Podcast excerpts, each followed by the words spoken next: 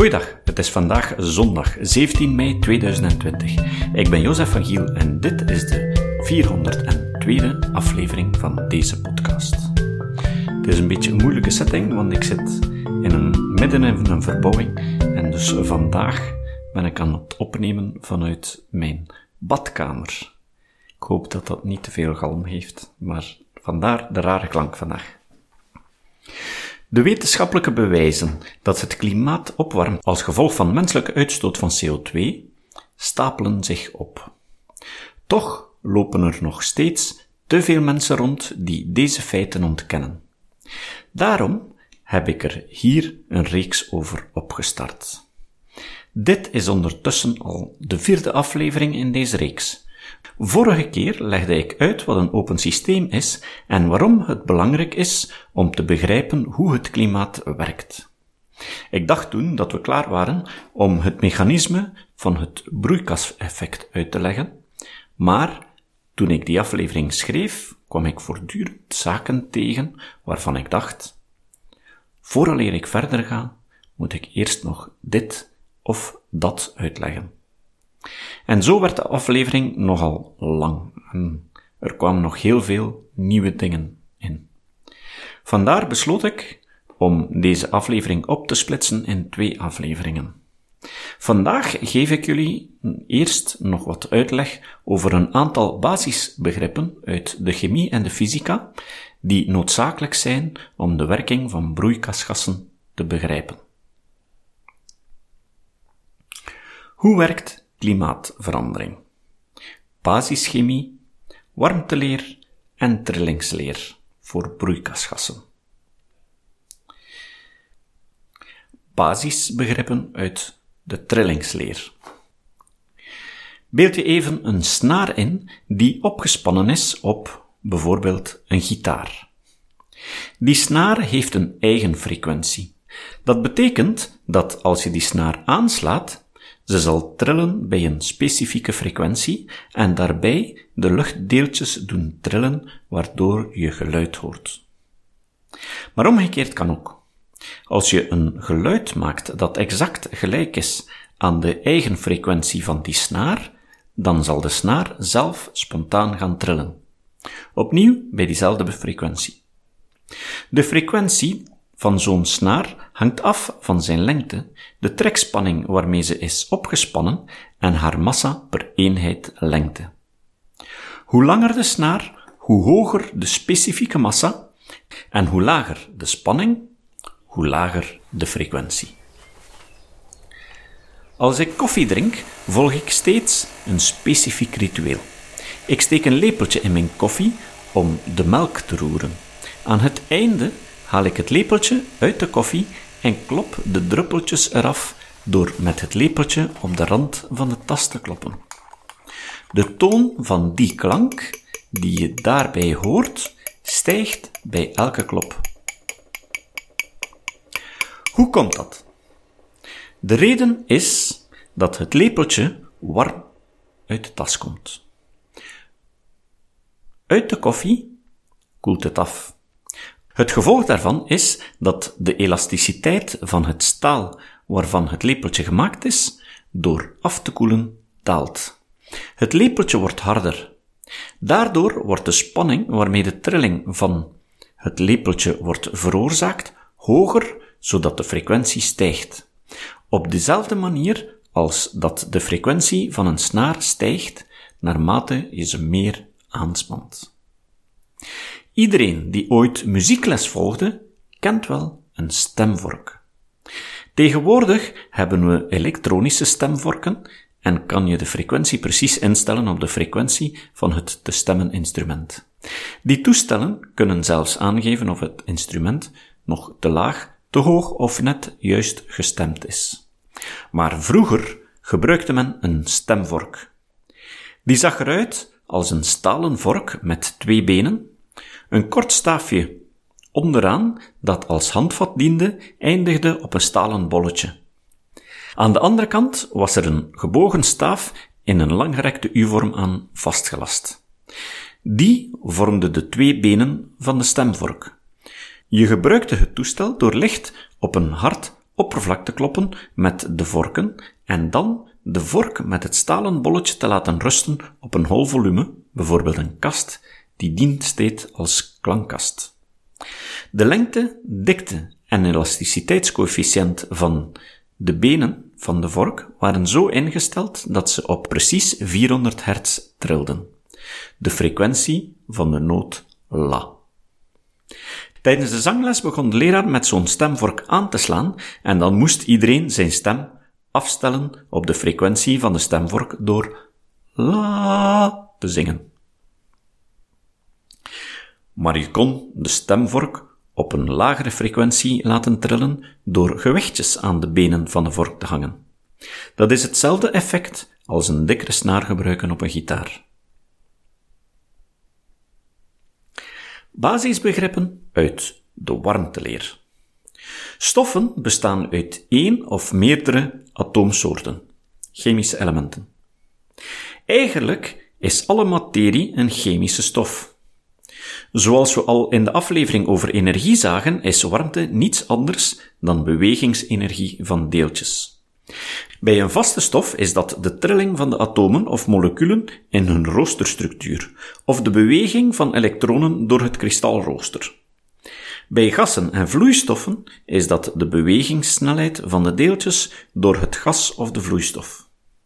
Bij vloeistoffen botsen de deeltjes regelmatig tegen elkaar en beïnvloeden ze elkaar wat door de wederzijdse aantrekking of afstoting. Bij gassen is dat veel minder het geval. Merk op dat het hier gaat om willekeurige bewegingen. De deeltjes bewegen in alle richtingen en hun gemiddelde snelheid is nul, omdat er gemiddeld evenveel deeltjes in de ene als in de andere richting bewegen. Dat is het grote verschil met een lucht- of vloeistofstroom, waarbij er een gecoördineerde, resulterende beweging is in een bepaalde richting. Dit laatste noemen we bijvoorbeeld wind of stroming. Beide komen natuurlijk tegelijk voor, maar de absolute waarde van de snelheid waarmee de deeltjes bewegen omwille van de warmte is bij kamertemperatuur gemiddeld veel hoger dan de snelheid van alle deeltjes samen in één richting als gevolg van bijvoorbeeld de wind. Zelfs bij een storm. Bij het absolute nulpunt, 0 Kelvin, of min 273 graden Celsius, valt die beweging stil. Daarom is dat het absolute nulpunt en is het onmogelijk om een temperatuur te hebben die nog lager is. De absolute waarde van een beweging kan niet trager zijn dan nul. Bij een gas heb je dan een molecule dat als een op zich staand deeltje vrij rondzweeft tussen de andere gasdeeltjes zonder directe interactie en eerder zeldzame botsingen tussen gasmoleculen. Nu en dan botst een deeltje tegen de rand van zijn omgeving. Bij zo'n botsing wordt dan warmte uitgewisseld met de deeltjes waarmee gebotst wordt. Een gasdeeltje dat met een grotere snelheid botst, met een deeltje met een lagere snelheid, zal een deel van zijn kinetische energie overdragen aan dat andere deeltje, waardoor dat sneller gaat bewegen. Lees warmer worden. Bij het botsen met een wand, bijvoorbeeld een rotswand of een glazen venster, zal de kinetische energie van het gasdeeltje gedeeltelijk worden omgezet in trillingsenergie van die vaste stof. Het kan ook omgekeerd, namelijk dat een traag, dus koud gasdeeltje tegen een warme wand botst en door de trilling van de deeltjes van die wand een versnelling krijgt. Lees, warmer wordt. Dat soort dingen gebeuren totdat alles ongeveer even snel beweegt of trilt. En dat brengt ons terug tot de tweede hoofdwet die we vorige keer zagen. De term warmte is eigenlijk foutief gebruikt als je over slechts één deeltje spreekt. Het is namelijk een maat voor de gemiddelde snelheid van alle deeltjes binnen een systeem. Maar dat zou ons te ver leiden. Basisbegrippen uit de chemie. Het periodiek systeem is de basis van de chemie. Het werd voor het eerst uitgewerkt door Dmitri Mendeleev. Toen Mendeleev zijn tabel voorstelde, was deze alles behalve volledig. Ook de structuur was niet compleet. Om iets van chemie te begrijpen, is het begrip van deze tabel noodzakelijk. De tabel is zo opgebouwd dat de chemische elementen geordend zijn volgens het aantal protonen die ze in hun kern bevatten. Het is het aantal protonen dat de chemische eigenschappen van een element bepaalt. Protonen zijn deeltjes met een positieve lading en aangezien een atoom een neutrale lading heeft, betekent dat dat die positieve lading exact gecompenseerd wordt door een negatieve lading. Die wordt geleverd door de elektronen die zich rond de kern bewegen. Let op dat ik niet zei dat ze rond de kern draaien. Dat zou onmogelijk zijn, want aangezien ze negatief geladen zijn, zouden ze daardoor een elektromagnetische golf uitstralen, waardoor ze energie zouden verliezen en bij gevolg op de kern zouden vallen. Het was dan ook lang een mysterie voor fysici waarom dat niet gebeurde, maar de kwantummechanica gaf daar een antwoord op. Een elektron bevindt zich in een waarschijnlijkheidswolk rond de kern. Dat betekent dat het onmogelijk is om de positie van dat elektron te kennen. Je kan alleen een gebied aangeven waarin het elektron zich bevindt. Dat heeft niets te maken met het feit dat onze apparatuur niet nauwkeurig genoeg is om de positie van het elektron te bepalen. Het is een fundamentele natuurwet. Het onzekerheidsprincipe van Heisenberg. Die elektronen bevinden zich als het ware voortdurend tegelijk overal in die wolk, met een zekere waarschijnlijkheid. En die waarschijnlijkheid die loopt zelfs tot in het oneindige. Er is dus een zeer kleine kans dat een elektron van een deeltje dat kilometers ver van u staat, plots in uw buurt komt. Probeer dat niet te begrijpen. Wiskundig klopt het als een bus maar onze hersenen zijn geëvolueerd om inzicht te hebben in de middenwereld, niet voor het zeer kleine en het zeer grote. Wat je ook mag onthouden, is dat er een woord bestaat voor zo'n wolk waarin een elektron zich bevindt. Een orbitaal. In zo'n orbitaal kunnen zich telkens twee elektronen bevinden. Orbitalen zijn op hun beurt georganiseerd in schillen. Maar dus, zoals ik zei, als het periodiek systeem van linksboven naar rechtsonder leest, kom je elementen tegen met telkens één proton in de kern of met één elektron meer in de schil. Want dat komt altijd overeen in stabiele toestand. Helemaal links boven staat waterstof, met rechts één proton en één elektron. Daarnaast heb je helium met twee protonen. Daarna moet je naar de volgende rij. Waarom leg ik straks uit. Daar heb je lithium met drie elektronen en beryllium met vier, boor met vijf, koolstof met zes enzovoort. De massa van een atoom wordt zo goed als volledig bepaald door de kern. Het gewicht van een elektron is namelijk te verwaarlozen ten opzichte van dat van een proton. Als je naar het periodieke systeem kijkt, dan zie je dat die massa niet overeenkomt met het aantal protonen, maar steeds groter is. De reden is dat er zich in de kern ook neutronen bevinden. Die wegen ongeveer evenveel als een proton, een heel klein beetje meer. Een element kan bestaan uit verschillende versies met een verschillend aantal neutronen. Dat noemen we isotopen. Dikwijls bevat een kern ongeveer evenveel neutronen als protonen. Maar dat is geen fysische wet. Zo bevat een waterstofatoom normaal gezien geen neutronen, maar een heel klein deel heeft één neutron en nog een kleiner deel heeft twee neutronen. Dat heeft voor de chemie geen enkel belang, maar voor de kernfysica des te meer. Koolstof heeft meestal zes neutronen, en dit isotoop wordt dan ook koolstof 12 genoemd, omdat er 12 kerndeeltjes zijn. Er bestaat ook een koolstof 14, maar dat is radioactief of onstabiel. De helft ervan vervalt op ongeveer 5700 jaar. Dit isotoop ontstaat in de atmosfeer als gevolg van kosmische straling. Daarom kan je de leeftijd van afgestorven levende materie berekenen door de hoeveelheid koolstof 14 te meten. We zullen het daar nog over hebben in een latere aflevering over hoe we weten dat de stijging van CO2 in de atmosfeer van de mens komt en niet van natuurlijke fenomenen. Dus, hoe meer we naar rechts en naar beneden in de tabel gaan, hoe zwaarder de elementen worden. Verder wordt de tabel op nog een manier georganiseerd. Als we even de overgangsmetalen, de lanthaniden en de acetiniden vergeten, dan kan je zeggen dat de tabel bestaat uit acht kolommen. In de rechtse kolom staan de edelgassen. Stoffen die onder elkaar staan in dezelfde rij hebben gelijkaardige chemische elementen en hier is een goede reden voor. Ik sprak daar straks over de orbitalen en schillen waar de elektronen zich in bevinden. De eerste twee soorten orbitalen zijn de s- en de p-orbitalen. In een schil zit er één s-orbitaal en drie p-orbitalen.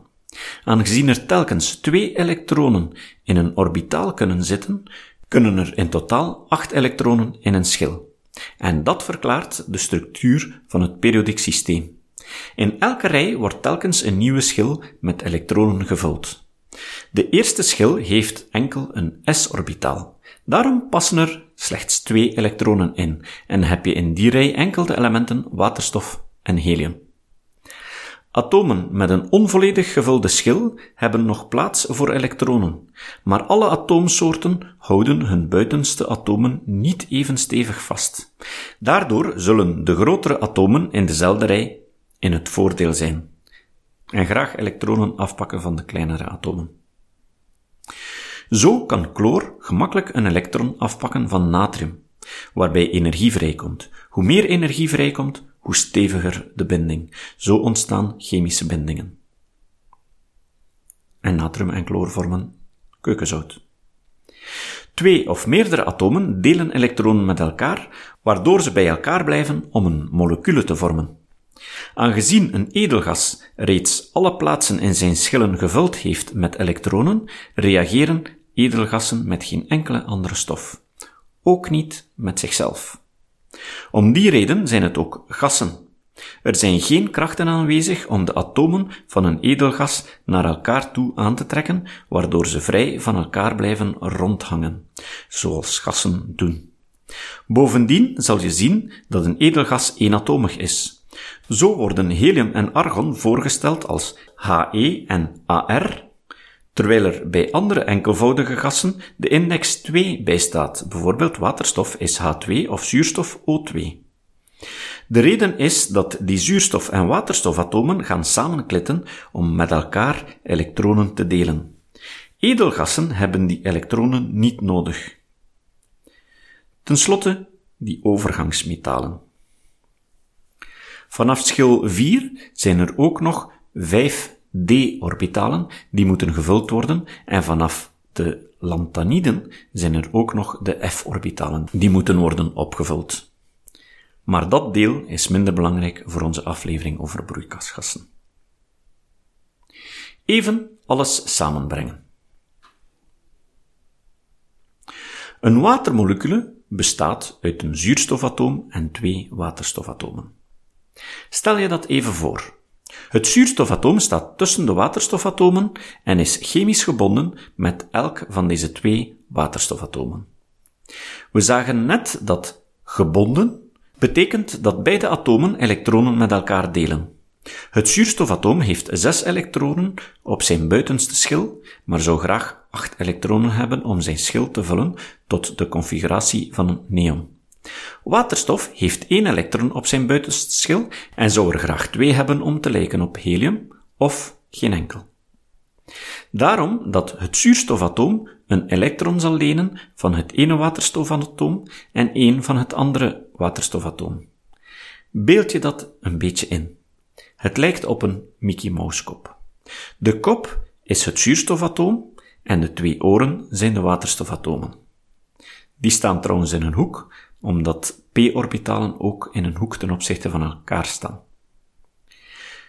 De elektronen in de binding worden meer naar het zuurstofatoom aangetrokken, waardoor de waterstofatomen beide positief gelaten zijn en elkaar afstoten.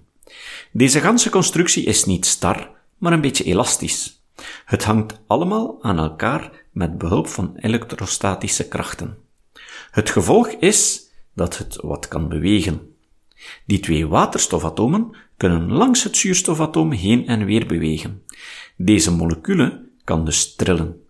trillen zoals een snaar. Als je een waterstofatoom in een elektromagnetisch veld brengt, met de juiste frequentie, dan zal het trillen met dezelfde frequentie als die golf. Goed zo. We zijn klaar om uit te leggen hoe het broeikasgas werkt. En dat horen jullie in de volgende aflevering. Het citaat. Het citaat van vandaag komt van Etienne Vermeers. Vermeers zei, geniet van je successen, maar draag ook je tegenslagen. Tot de volgende keer. Dit was de podcast Kritisch Denken. Vergeet niet om alles kritisch te behandelen, ook deze podcast. Voor verdere informatie over deze podcast, links en voor de tekst, surf naar www.kritischdenken.info. Als je deze podcast belangrijk vindt, kun je me steunen door anderen warm te maken ook eens te luisteren. Stuur een e-mail naar vrienden met een link naar de website en plaats de link in de handtekening van je e-mails. Tevens kun je op iTunes deze podcast een beoordeling geven of een recensie schrijven. Of je kan op je eigen website of blog een link naar kritisch denken plaatsen.